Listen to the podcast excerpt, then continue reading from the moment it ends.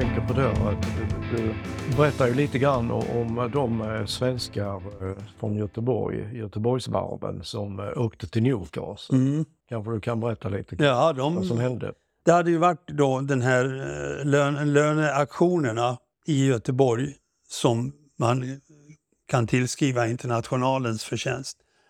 Medan de pågick, pågick en stor nio timmars strejk som lamslog Newcastle. Och eh, rättare sagt, det var före i Göteborg så pågick den där eh, nio timmars rörelsen som den hette. Och Newcastle var världens största industriområde. Där gjordes båtar och båtar och båtar till eh, handelsflottor och krigsflottor och gud vet allt. Så det var riktigt stor. Och där strejkade de för en nio timmars rörelse. Och vad, vad var arbetstiden då i Göteborg, på varven? Då? Ja, de var 11-12 timmar. Mm. Newcastle, arbetsgivarna, var helt ställda. Eh, de försökte skaffa strejkbrytare, åkte till London och det var ju ett jävla bråk med arbetsgivarna i London för de då skulle de plötsligt, det vart ju att det vart en löneuppdrivning. Det sista, de åkte till Danmark och de åkte, skickade agenter till Tyskland, till Belgien.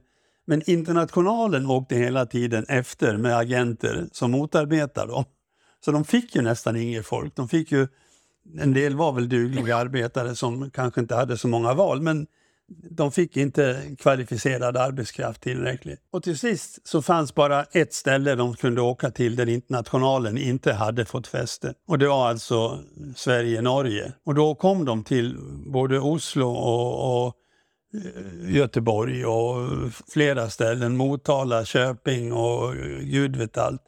Och då sa de, de här engelska agenterna, att strejken var slut i Newcastle men alldeles för många arbetare hade flyttat, hade emigrerat så det behövdes folk. Och, och så högg de till med vad lönen var, vad arbetstiden var och det ljög de och bluffade om. Och så fick de ju tillräckligt många som eh, hade påbörjat lönerörelser eller, löna, eller fackliga aktioner i Göteborg till exempel. Och som eh, då hade fått sparken eller ja, och de åkte över, de trodde att okej, okay, och det fanns tyskar som gjorde detsamma, för det pågick, en, jag tror det var en tio timmars rörelse i Berlin samtidigt. Och, och ja, så det, så det kom några hundratal svenskar dit, liksom tyskar då, och ett antal norrmän. Men när de kom dit så upptäckte de att strejken pågick fortfarande. Så de var ju ditlurade som strejkbrytare. Det märkliga var, i Tyskland var de fackligt kunniga. De återvände ögonblickligen eller så fort de kunde. De behövde få pengar så de kunde komma hem och sådär. Svenskarna... Var det inte så att man samlade in de brittiska arbetarna? Ja, det hände också, ja. Eller också så skickade man ju efter pengar hemifrån på något sätt. De gjorde insamlingar i Tyskland. För det, på, det var ju en pågående facklig aktion i Tyskland som de skulle åka och stötta i gas. Och så var de själva strejkbrytare. No. De här eh, svenskarna som kom då, de begrep ju ingenting ju de begrep ju att de eh, hade kommit fel naturligtvis. För att det stämde inte med arbetstiden, det stämde inte med lönen. De, de, den lön de hade skrutit med den skulle de göra avdrag på för husrum och, och, och, och matkostnader och så fick de inte lämna fabriksområdena. Och så fick de inte röka på fabriksområdena. Ja, det, allting blev så absurt alltså. Så de här fick lära den hårda vägen att eh, strejken pågick och de var strejkbrytare. Ja, det kom danskar som agiterade hos dem och sa att vad fan håller ni på med, åk hem. Men de hade ju inga pengar, så det var ju ett problem det där. Till slut så vann engelsmännen nio timmars strejken och de fick nio timmars arbetsdag i, jag tror det var i hela England. Och eh, en del svenskar blev ju kvar för många av de engelska arbetarna hade ju verkligen emigrerat. Så svenskarna anställdes ju. Och, och, så. Men till slut så fick, åkte de ju hem i alla fall och, och kom då hem och visste precis hur man skulle göra för att starta och driva fackliga aktioner. Och en av dem är alltså den här Lars-Erik Åkerlund jag följer då, som eh, till och med då blev eh, eh, facklig ledare under den här löneaktionen i Göteborg. Och, eh, ja, spelades ut av, av vad eh, Marx kallar för eh, arbetararistokrater i Göteborg som gick handgångna män till, till de här redaktörerna och arbetsgivarna. Så att eh, de här ledande som hade varit i Newcastle, de fick ju sparken och de flesta försvann ju till USA, Amerika. Men de hade ju lärt sig och de, de här kunskaperna satt ju kvar ett tag. Så Bland att, de andra menar de som, de som var kvar? kvar ja. Mm. ja. Så att när August Palm kom tio år senare så var det tillräckligt många som hade varit med redan. Menar, tio år är ju ingen lång tid. Det är ju inte en generation. Så att... Eh, ja. Så var det många som visste vad han pratade om. Då, då visste de vad, vad både löneaktioner och, och, och strejker och socialism var för någonting. Det var säkert där som August Palm eh, hittade sina medarbetare och sina medlemmar. Mm. Tänk, är det något annat du tänker på kring boken? Som, har, det varit mycket, har det varit roligt att hålla på med den? Ja, det är klart det är roligt, annars hade jag inte hållit på med den. Det är ju intressant som tusan alltså. För att det är den oskrivna historien? Ja, ja, ja. Att eh, hålla på och skriva skriven historia, det, jag menar, och göra det är klart det finns variationer på det också. Att de som skriver eh, eh barnmorskornas fackliga historia, så till exempel Laurells morsa var ju barnmorska till exempel. Och, och de var tidigt radikala. Och, och, även pigorna finns det ju numera doktorsavhandlingar om hur de tvingades organisera sig. Ja, I Stockholm då väl? I Stockholm tror jag det var, ja. ja. Så att eh, det är klart att, att, eh, att det finns nya vinklar på det här också. Men det som är viktigt för mig är ju att se att det finns en kontinuitet ifrån, och då är det inte bara 1840-tal där jag börjar, utan man är alltså nere i 13, 14, 1500-tal. Och eftersom jag bott i Frankrike i flera år, så där har jag ju kommit att studera romersk historia och, och, och ganska grundligt. Och de här eh, skråmässiga förhållandena i sällskapen fanns redan där. Yrkessammanslutningar som, som Julius Caesar tvingades förhandla med. Så att, eh, jag menar, kunskapen om att det, att det alltid har funnits. Och det är inte så konstigt egentligen att det är kopplat till, till yrket. Den dag man inte får betalt så man kan leva på sitt arbete, då utför man inte det längre. Det liksom ligger i sakens natur på något sätt. Ja. Den som blir medveten om det, då är de fackligt medvetna. Mm. Så tänk på en sak till som, som aldrig, just det här kring kommunaderna, alltså de som överlevde Pariskommunen. Och blev flyktingar oftast. Blev flyktingar i ja. hela Europa. Ja, hela Europa borde, kom de till. Men Utom de, till Sverige. Ja, för att... Ja, det var för språkets skull. De försökte ju få Laurel, de, de hade ju kontakt med honom i, i Genève och eh, hade ju frågan om uppe, en av frågorna om, om eh, man kunde få kommunarder till Sverige för att hjälpa mm. dem. Men då får man kanske säga något kort, vad var kommunalerna? Var... Ja, kommunarder, det var de som var anslutna till, till eh, Pariskommunen 1871, våren 1871. Och, och som eh, första gången som underklassen och tillsammans också med medelklass och journalister, och författ, eh, journalister, författare, konstnärer tog makten i Paris. Och det var, var ju bara tre månader. Men det har satt sitt stora, stora avstamp för alla de här rörelserna. Efter de slogs ner så avrättades ju de så många de kom åt. De tillskrev ju Pariskommunen för att vara en gangsterorganisation som avrättade.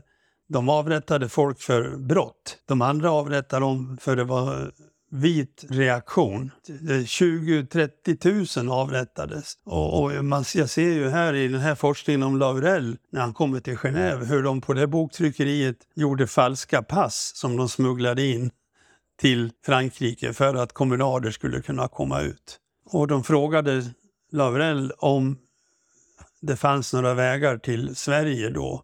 Och då var ju han så klok så han sa att det går ju inte för de, de kommer ju att falla på språket direkt. Och Sverige stod ju på eh, de vita sida i det här eh, Paris kommunstriden. Så att de hade ju bara skickat tillbaka dem och då hade de blivit avrättade. Och vi vet ju att det var många som eller många, men det var en del som greps, eh, svenskar. Och, och, och var de kommunarder, då brydde sig inte svenska myndigheterna om dem. De fick sitta fängslade. Var de så att de råkade vara, komma i vägen och gripas, de hjälpte den svenska legationen dem hem igen eller bli fria och komma hem. Så att eh, Sverige var eh, mycket involverat i det där alltså. Så att, eh, och de här kommunarderna, faktiskt, och det är lite storartat, de var de enda som fick arbeta under nio timmars strejken i Newcastle. De som kom som flyktingar dit. De, de angrep inte de engelska arbetarna utan gjorde undantag för dem som politiska flyktingar. Det är storslaget alltså. De behövde få ihop pengar. Ja. Ja. behövde överleva. Mm. Ja, du sa någonting att du har inte bara slagit dig till ro nu efter den här tegelstenen. Somna inte med den boken. Det ger avtryck på ett annat sätt på näsan. Men, eh, för den är ju ganska tung. Efter denna bokens utgivning så har du fortsatt. Du har något nytt projekt på gång. Ja, alltså jag, jag har ju många projekt på gång. Ja, det första stora projektet jag hade efter den, det var ju franska revolutionen. Eh, vars folkliga historia knappt heller är skriven. Och, och jag satte mig faktiskt, har suttit och läst, sitter fortfarande och, och läser fransk revolutionshistoria. Och för att se det folkliga inslaget. Och, och det är lite svårare att hitta fram till. Och då kan man ju rekommendera den, den som jag har kommit fram till som har klarat det bäst. Om man inte läser franska. Det är ju Krapotkin som har skrivit Den stora revolutionen som finns på svenska. Den heter nog Den stora franska revolutionen på svenska, men det hette den inte när han skrev den på franska. Den heter La Grande Revolution. Men, eh, och den gavs också ut på engelska, The Great Revolution. Och han skriver den ifrån folkligt perspektiv.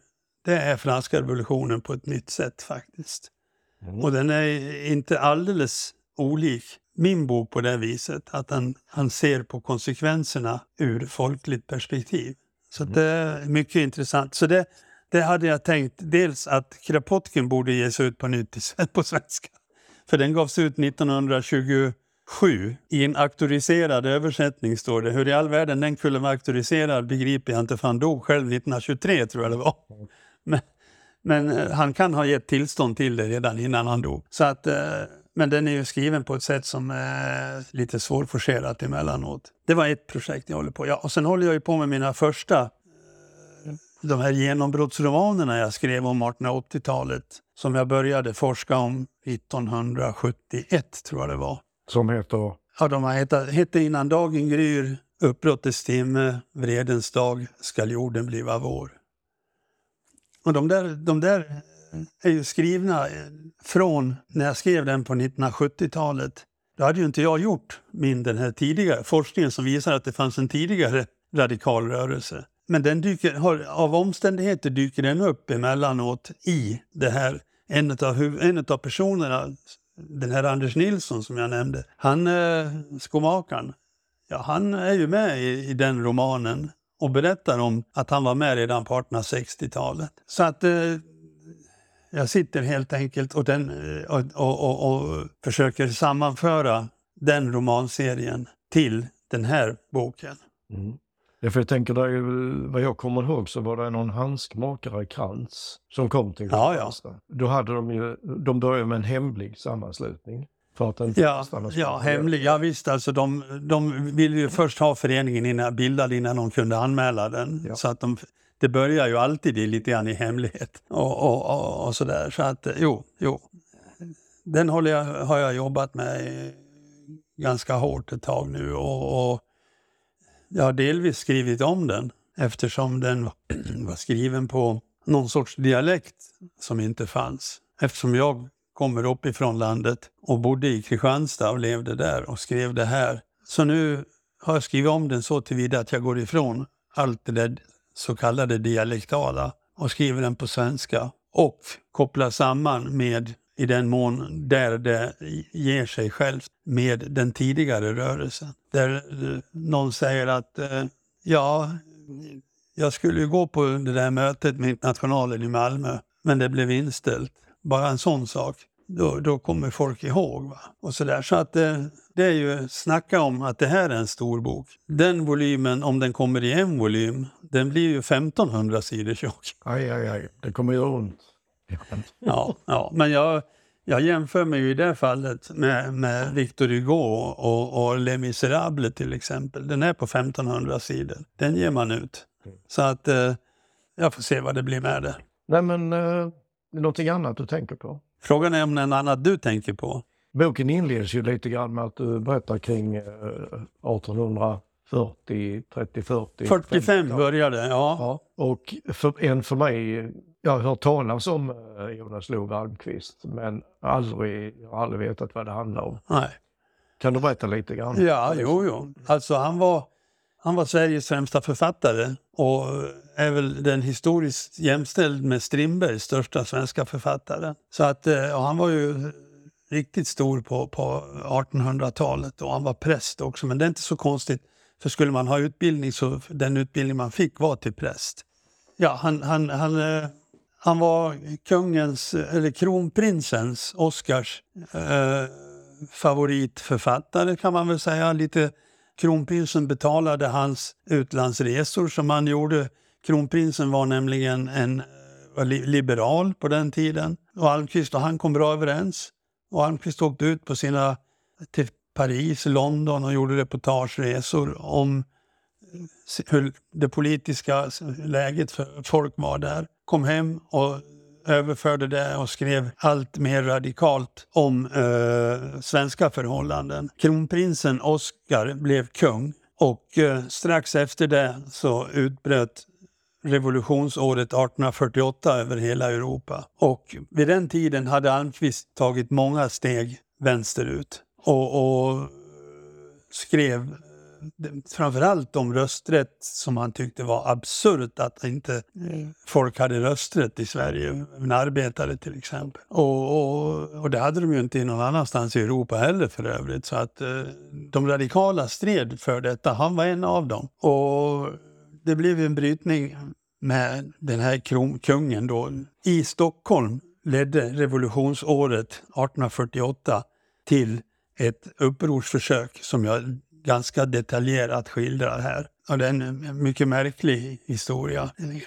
18 personer sköts på direkt order. Kungen eh, soldaterna ut på gatorna och hade fritt att skjuta eh, folk som var, såg misstänkta ut. Och 17 stycken av dem var väl underklass och en var ett befäl som kom i vägen. Så att eh, det är ett Ådalen helt enkelt, 1848.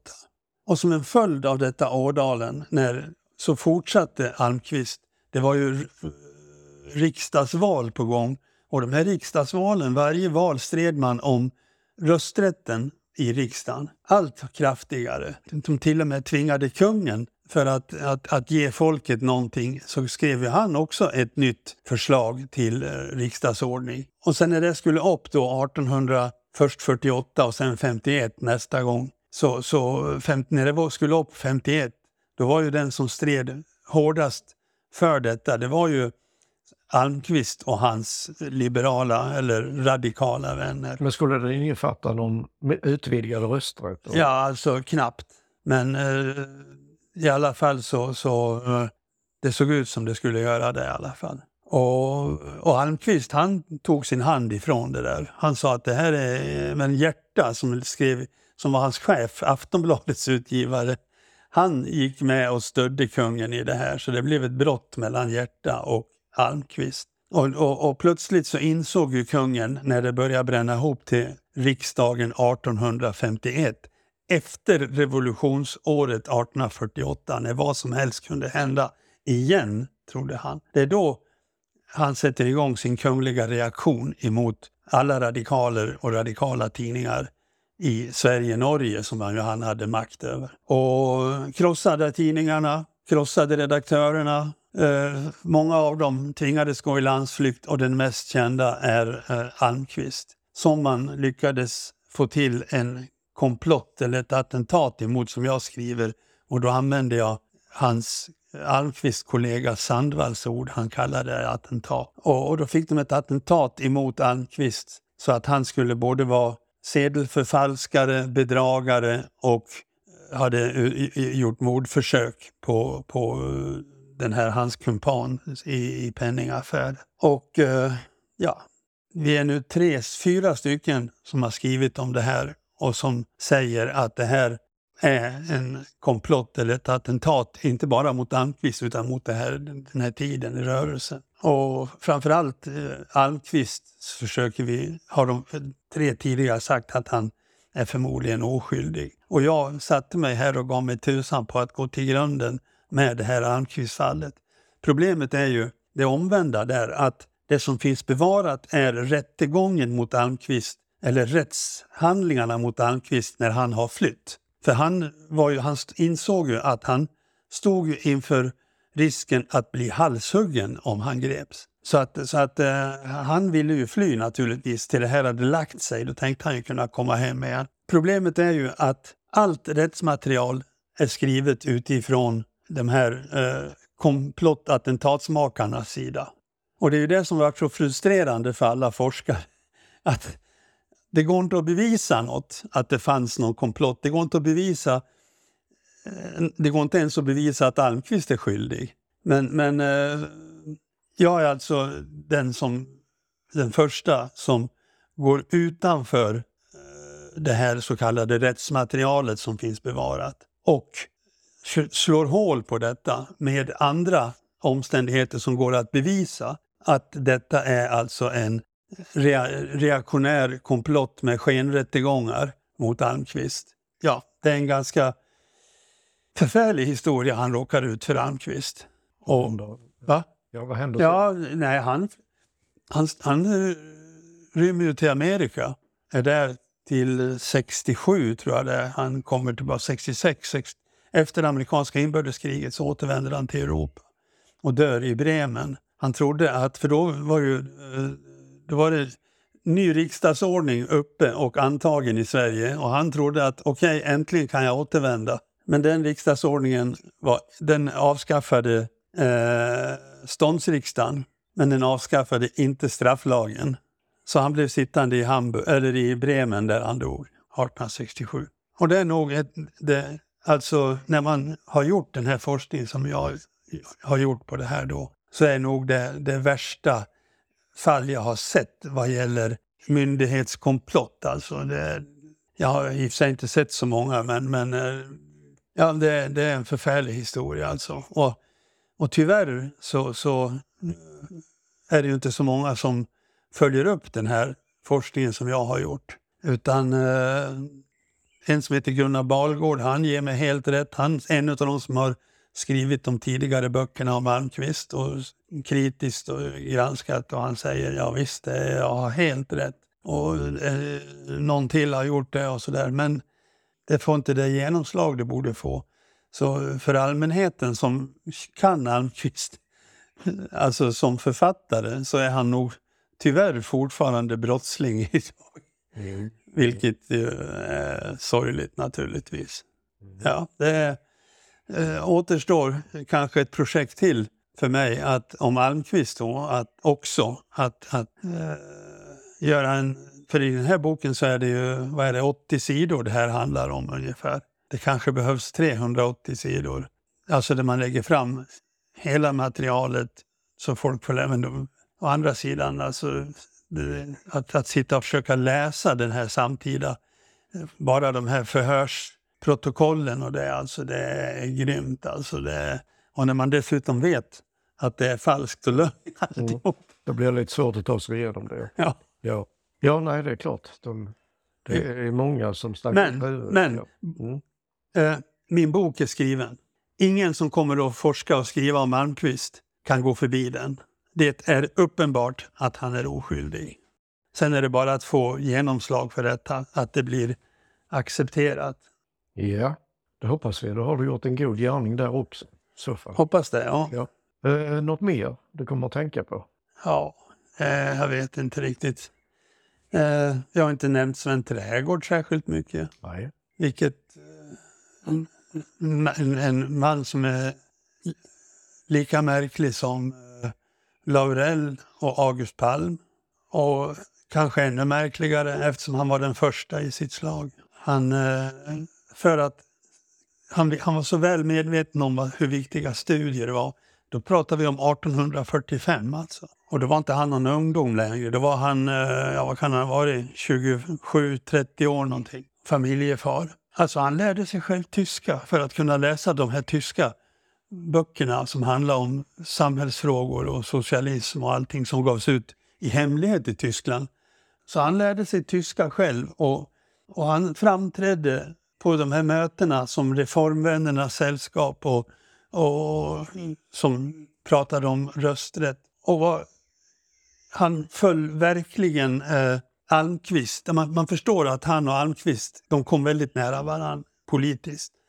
Och, och, hur nära de var varandra, så att om de umgicks, det vet man ju inte. Men, men, och, och han, han hade ordet i sin makt. Det är ju det som är grejen. Så han ställde sig upp och höll sina föredrag. Visserligen hade han skrivit dem i förhand. Och det är därför vi känner till honom som talare. De här som talar direkt, så att säga, direkttalarna, det krävs ju att någon noterar vad det är för någonting. Men hans, hans det här hjärta tryckte hans manus, till exempel. Och reformvännerna blev tokiga när de insåg hur jävla skarp han var. Så att de såg till att förbud mot förskrivna manus, det kan ju inte han ha skrivit själv. Mm. Var det för att han krävde allmän rösträtt? Han krävde allmän rösträtt, ja. Hur allmän, det sades inte om kvinnorna var med eller inte. Nej. Men, men eh, han, Hans tanke var samma som socialdemokratins, att skulle vi få en allmän rösträtt så skulle vi vara flest. Då, ja, ja. Mm. Han, han uttryckte ju aldrig det i sina tal. Men eh, högern, reaktionära högern uttryckte ju det. Att det, vi står ju vid avgrund om vi skulle bevilja allmän rösträtt. För då kommer vi att, de var väl 0,5 procent av befolkningen ungefär som, som uh, var de tongivande och styrande. Så att uh, de insåg ju snabbt att, att, att uh, allmän rösträtt det var ju att ta ifrån oss själva makten. Men de pratade inte i de termerna, vare sig trädgård eller de egentligen. Utan de stannade vid att prata om rösträtten och församlingsfriheten, yttrandefriheten och sådana saker talade ju också eh, trädgård om och även hans kompis då Renhult. De visste ju att de fick ju inte starta organisationer. De fick framförallt inte starta organisationer när man pratar politik. Mm. Så att de tystades ju gång på gång överallt när de gick in i olika organisationer som Reformvännerna då, då tystades ju han också där. Och då hade han ju Almqvist på sin sida. Men eh, ja, det, alltså han var en vältalig man som var stor. Alltså sen när han kom till Amerika. Alltså så, drev, drevs han utomlands eller? Ja, alltså han, han drevs han, efter det här 1851 när kungens det här reaktionära, när de slog tillbaka alla de här radikala rörelserna, då dödade de ju den, den här, det här sättet att vara. Det, det fanns inte längre. Så att eh, då, då satt han och, och, och hans kompis Renhult, han, han kallade sig för fattigskräddare. Trädgård själv, hans hustru startade nykterhetsvärdshus i, i, ute på Ladugårdslandet i Stockholm, tror jag det var. Så att de, de liksom, de var överkörda. Och sen eh, så, fanns det kvar arbetarföreningsspillror, de här liberala. Men det var ju inget för dem. De, de, de fick ju inte säga vad de ville där och så där. Så, att, så till slut, jag tror det var 1853, 54, då mm, tog de sitt pick och pack och stack till Amerika, familjen Trädgård. Och där kom han att heta Tragård. Han tog bort prickarna. Och, och, men det uttalades ju nästan likadant ändå. Och där blev han en aktad man i, i Chicago. Han blev eh, immigrantagent och tog emot politiska flyktingar från nya generationer som kom från Sverige. De visste inte vem han var. Men, men det fanns ju en, en, eh, en sektion av internation, svensk, skandinavisk, mestadels svenskar, sektion av Internationalen i Chicago. Och, och, och, när Renhult dog, kompisen, i Stockholm som fattigskräddare, då samlade Trädgård ett gäng svenska radikaler som skrev en dödsruna om Renhult och publicerade i amerikanska, svensk-amerikansk tidning som sen citerades i Sverige. Och det är förmodligen den här skandinaviska, svensk-skandinaviska sektionens folk i Chicago som han hade kontakt med. För det var ju gamla radikaler som ju Trädgård och alla uttalade ju sin, sin eh, stolthet över att samarbeta med Renhult ju som också, ja mm. sådär. Så att, eh, mm. Så, och han var också med och, och hjälpte till att få då, den då demokratiskt stridande presidenten Ulysses Grant omvald, som han som vann inbördeskriget med slaveriets avskaffande. Ja, liksom trådarna går ihop lite överallt. Mm. När, man, när man kan historien och, och, och dyker ner i Amerika och dyker ner i Frankrike och Italien och i Tyskland. Och plötsligt så är det samma historia, märkligt nog, alltså olika grenar av. Men, men man känner igen tiden och, och så jag är väldigt väl bevandrad i, i den här historien, vågar jag påstå. Ja, du menar för hela Europas? Förlåt? För hela Europas arbetarrörelse menar du lite? Ja, det, Att det är liknande saker? det är liknande saker överallt. och många alltså. som tvangs iväg? Ja, tysk, ja framförallt Västeuropa då alltså. Ja. Men eh, även i Ryssland då, det kom ju ryska revolutionen ju med, med Lenin då, så att, eh, som ju var nästa Paris kommun för världens eh, radikala arbetare. Alltså, det var ju de som verkligen för första gången tog makten. Det var ju Ryssland. Så det sågs ju som något enormt stort alltså. Som vi har svårt att se idag. För idag så pratar man ju då bara om den här fördärvliga kommunismen som föll, föll då till slut 1900, vad var det, 92 till slut. 89 då i Berlin började det med. Men, men eh, eh, alltså jag pratar inte kommunism i det sammanhanget, jag pratar stalinism. För att det ska bli någon jävla ordning på, på vokabulären. Alltså för att eh, Stalin var inte kommunist ett dugg, någon gång förmodligen. Utan han kom upp sig på, på, genom kommunismen och tog makten och omformade den totalt. Slog ihjäl hela det gamla bolsjevikpartiets ledning och stora delar av partiet också. Och, och, och, så, och så satt han och kallade sig kommunist. Och det, det har ju, gör det ju svårt att begripa 1840, 50, 70, 80-talets historia där kommunismen var något positivt som, eftersom Stalin har besudlat allt detta. Och, så att ska det bli någon mening så får man nog prata och göra skillnad på kommunism och stalinism. Ja, det satt jag också och grävde ner mig i ett halvår och läste om de här eh, Stalins 30-tals eh, rättegångarna och alltihopa. Och det, ja, det är märkligt att, att eh, det tog så lång tid innan det accepterades. Jo, det var väl att man kände att eh, allt som sägs om, om Sovjet var förtal. Ja, så tyckte man ju. Eller så, så, så trodde man och tyckte även om man... Jag själv var ute och demonstrerade redan 1968 mot, eh, när det gällde invasionen av Tjeckoslovakien till exempel. Så, så det var ju stalinisterna som tågade in där då. Eh, det, det, gäller att hålla ordning på. Det är ju lite lättare. Då kan man ju, idag istället pratar man ju om socialism istället. Då. Och det gjorde man ju på 1800-talet också. Och, och det var... Folk Men är försökte... inte det också ett begrepp som eh, också har råkat lite i vanrykte? Jo, alltså men det har ju eh, Göran är återuppväxt, återuppväckts lite grann som, som, då, som någon sorts eh, alternativ till den kommunism som knyter an till eh, förstalinistiska kommunismen. Alltså på, på 1870-tal och 60-tal Mm. till exempel. Ända till 40-talet. Så att eh, det är lite synd att, att eh, det förstörs saker på det där viset då, alltså, som, som, gör det svårt att diskutera. Jag tänker, är det inte svårt om, om man nu använder ett begrepp som kommunism som i mångas ögon då likställs med, som du säger, stalinism, alltså Mm. nack- nackskott och så vidare. Skymmer det inte då var man vill hän med sitt, sin Jo, alltså tankar? försöker man vidhålla rätten att kalla sig kommunism så, så, så ha- har man ju ett svårt läge, det är klart. Mm. Och, och, Och jag tänker socialist och jag, jag Ja, nej, men, eh, socialist också. ja, visst, men jag menar, Lenin var ju socialdemokrat från början när han gjorde revolution. Så att, så att liksom, eh, det är många aspekter på många saker här. Mm. det finns bara en sak och det är att bedöma sakerna efter sin tid. Då kan man göra sig begrepp om saker och ting. Mm.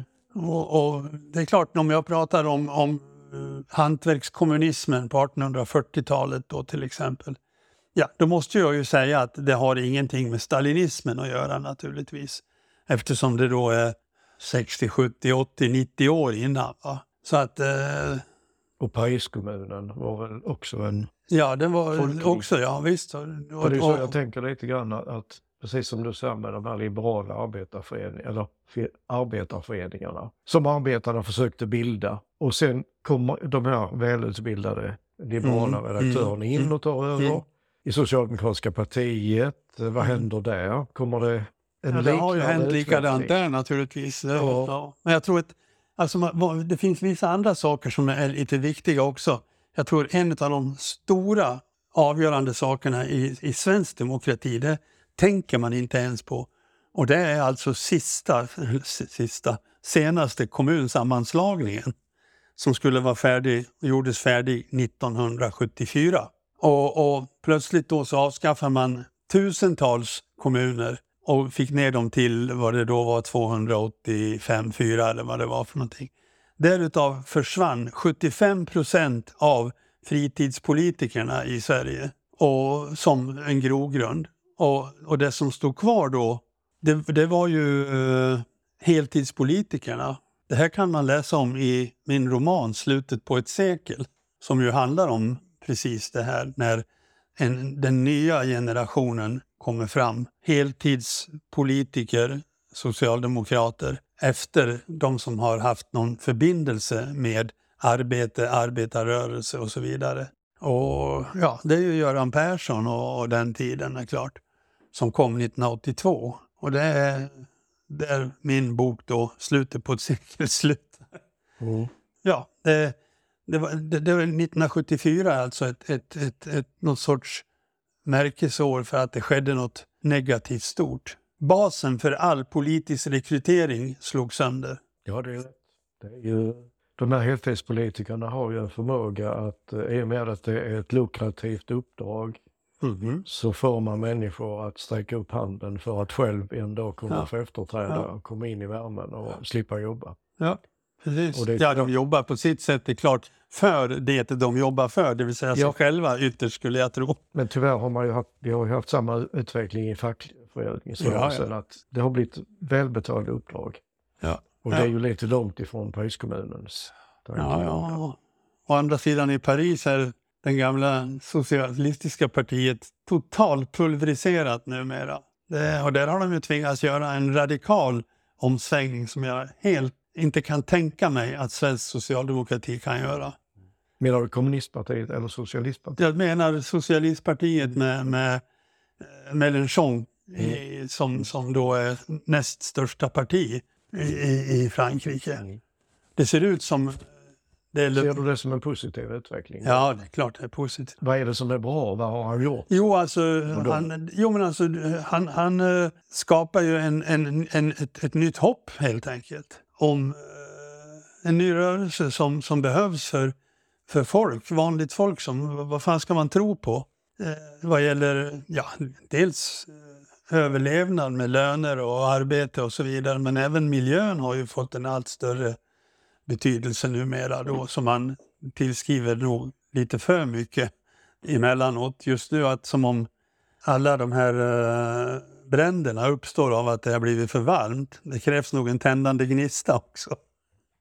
Men, men ja, sådär. Va? Så att det, det, det krävs nya saker och det, Paris är ju centralt även i, i min bok. Att det finns där hela tiden, alltså som en politisk. Jag vet inte vad det här kommer att bli utav det, men jag har ju bott eh, sju år hade vi hus i Frankrike. Och jag har sagt hela tiden att de här eh, SD och deras gelikar som ju finns i Frankrike, Le Pen och alla de här, de är 17 procent. De har förmodligen alltid varit 17 procent. Skillnaden är när de börjar organisera sig. De här 17 procenten har inte varit organiserade innan.